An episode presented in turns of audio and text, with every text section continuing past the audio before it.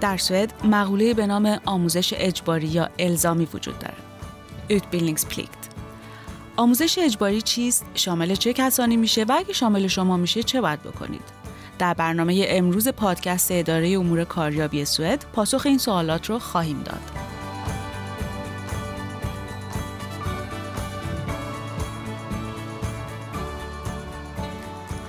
من آنا دونارنی هستم با همراهی همکارم محمود نوستزاده امروز به این مقوله خواهیم پرداخت. خوش آمدید محمود.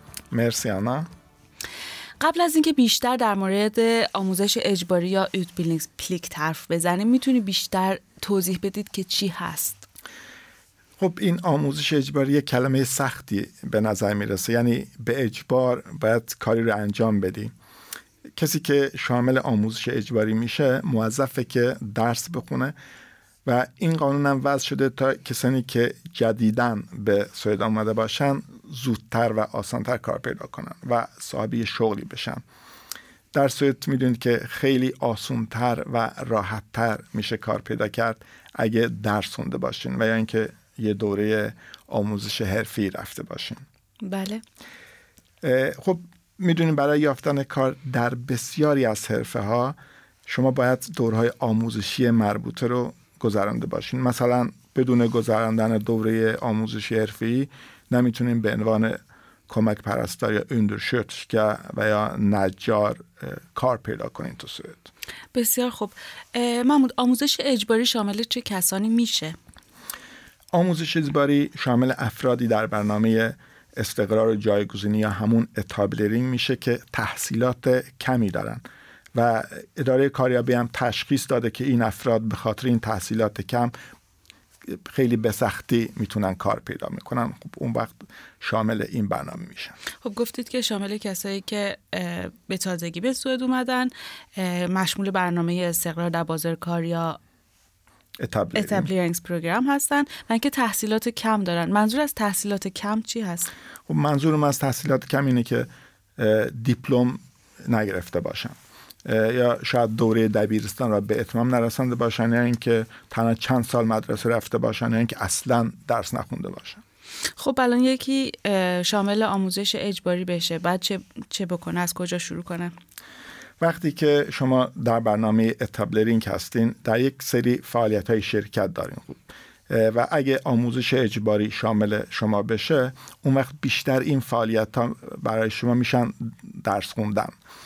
مثلا شما سوئدی برای مهاجرین یا همون SFI رو خواهیم خوند و یا دوره راهنمایی جهتگیری اجتماعی همون samhällsorientering رو خواهیم رفت و یا دوره‌های تحصیلی راهنمایی و دبیرستان و در آموزشگاه بزرگسالان یا همون Komvux و یا اینکه در مدرسه عالی مردمی همون folkhögskolan خواهید درسته. پس گفتید که اگه یک نفر زیر چتر etableringsprogram باشه ناگزیره که یک سری برنامه ها رو در شرکت کنه و اگه که شامل utbildningsplikt بشین ناگزیر به شرکت در کلاس ها و یک دوره تحصیلی هستید. میشه بیشتر در مورد Komvux و فولک صحبت کنید. کنوکس آموزشگاه بزرگسالان یعنی مدرسه برای بزرگسالان. مدرسه عالی مردمی یا همون فولک هم یه مدرسه بزرگ سالانه در کنوکس و فولکوسکولان شما می‌تونید همان دروسی رو بخونید که معمولا در دوره راهنمایی دبیرستان خونده میشن. مثلا شما می‌تونین ریاضیات رو بخونین و اینکه یه دوره آموزش حرفی رو برین و اینکه یه دوره مهارت های دیجیتالی رو ببینین که تو اون دوره می‌تونین چگونگی استفاده از کامپیوتر و اینترنت رو یاد بگیرین. خب حالا اگه یکی شامل utbildningsplikt بشه بعد از کجا بدونه که چه دوره رو بگذرونه و از کجا شروع کنه؟ اولین کاری که باید بکنید اینه که با kommun محل سکونت خودتون تماس بگیرید و همراه با اونا یه برنامه ریزی رو شروع کنید که چه دورایی رو شما باید بگذرونید دوره خب می‌تونن از شخص به شخص متفاوت باشن. ما پیشینه های تحصیلی و شغلی مختلفی داریم. بعد بستگی به کمون محل سکونت شما هم داره. کمون های مختلف دوره های متفاوت دارن. خب کمونی که خیلی کوچکه دوره کمتری داره. کمونی که خیلی بزرگ باشه دوره بیشتری رو داره. دقیقا. خب پس اینکه چه پیشینه ای داشتین و چه هدفی دارین و اینکه کجا زندگی می‌کنید می‌تونه موثر باشه در اینکه چه درسی چه دوره رو آدم می‌تونه ببینه. گفتید که yrkesutbildning میشه بیشتر راجع به صحبت کنیم. این yrkesutbildning یه دوره آموزش حرفه‌ای است که شما طی اون یه حرفه‌ای رو یاد می‌گیرین و بعد از گذراندن چنین دوره‌ای خب شما می‌تونید در اون حرفه شروع به کار بکنید. جالبه. چه دوره‌هایی وجود داره؟ دوره‌های متفاوتی وجود دارن. مثلا می‌تونه یه دوره آموزشی کمک پرستاری undersköterska باشه می‌تونه دوره آموزشی کارگری ساختمانی باشه و مثلا دوره آشپزی. و همونطوری که شما گفتین دوره های کنووکس میشه در دوره های کنووکس دروس دیگه غیر از آموزش حرفه خون شما گفتید ریاضیات و دورهای مربوط به استفاده از کامپیوتر اینترنت. خب چه دورهای دیگه وجود داره در کنووکس که میشه آدم انتخاب کنه؟ بله خب میشه دروس انگلیسی و یا جامعه شناسی رو خوند. دورهای هم وجود دارن درباره زندگی کاری و بازار کار تو سوئد مثلا میشه اول مواد درسی مانده انگلیسی و ریاضیات رو خوند و بعد یه دوره حرفی تو سطح دبیرستان در اونجا شروع کرد. خب درسته که در اکثر مواقع قبل از اینکه یک دوره آموزش حرفه‌ای شروع کنیم بعد دروس پایه رو بخونیم دقیقا بله. ولی آیا اینطور نیست که بیشتر افراد می‌خوان مستقیما برن دوره آموزشی رو بخونن؟ اونا می‌خوان زودتر مشغول به یک کاری بشن. چرا باید دروس پایه رو خوند قبل؟ درسته خیلی هم می‌خوان مستقیما شروع به دوره های آموزشی حرفی بکنن. ولی این مواد درسی که باید قبل از شروع دوره های آموزشی حرفی خوند شما رو برای گذراندن این دوره ها خب آماده می‌کنن. اون وقت خوندن این دوره براتون خیلی آسانتر خواهد بود. برای همین بعضی اوقات نمیشه مستقیما شروع به این دوره کرد. خب خیلی فکر می‌کنن که نیازی به تحصیل یا رفتن به یک دوره آموزش حرفه‌ای نداره و می‌خوان هر چه سریعتر به یک کار مشغول بشن. خب اینکه بخوای زودتر شروع بکنن کار بدی نیست. بله درسته. اینکه یکی بخواد خب زود شروع به کار کنه خیلی هم خوبه. و خب تحصیل و یا رفتن به دوره آموزشی هم زمان می‌بره.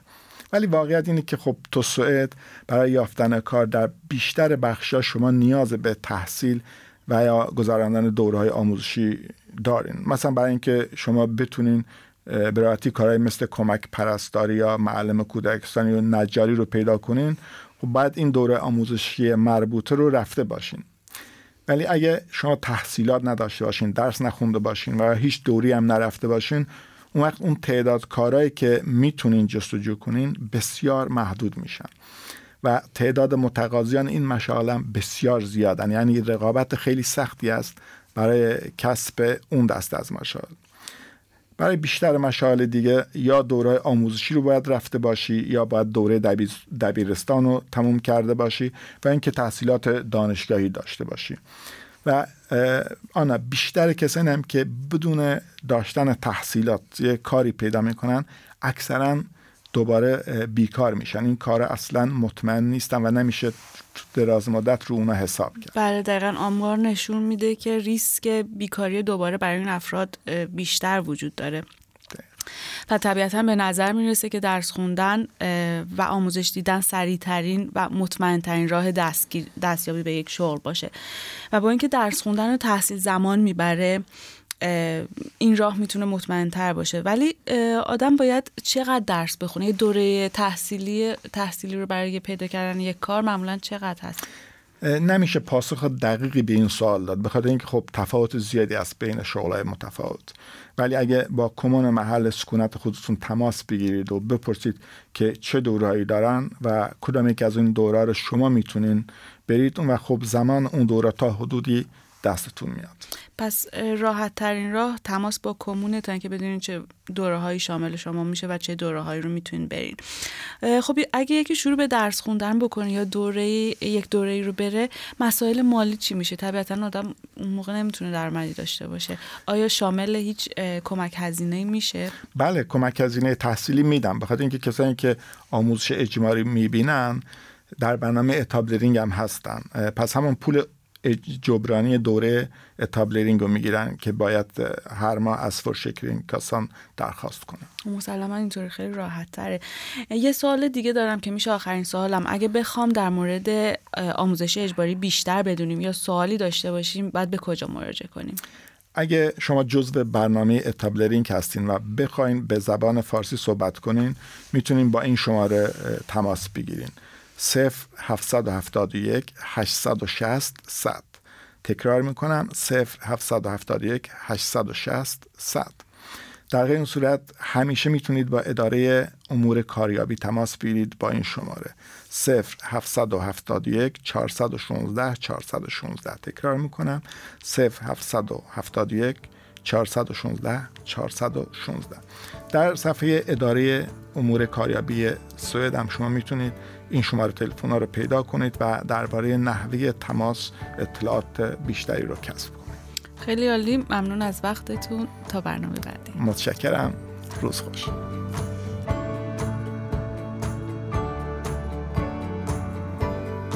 شما به پادکست اداره امور کاریابی سوئد درباره آموزش اجباری گوش دادید.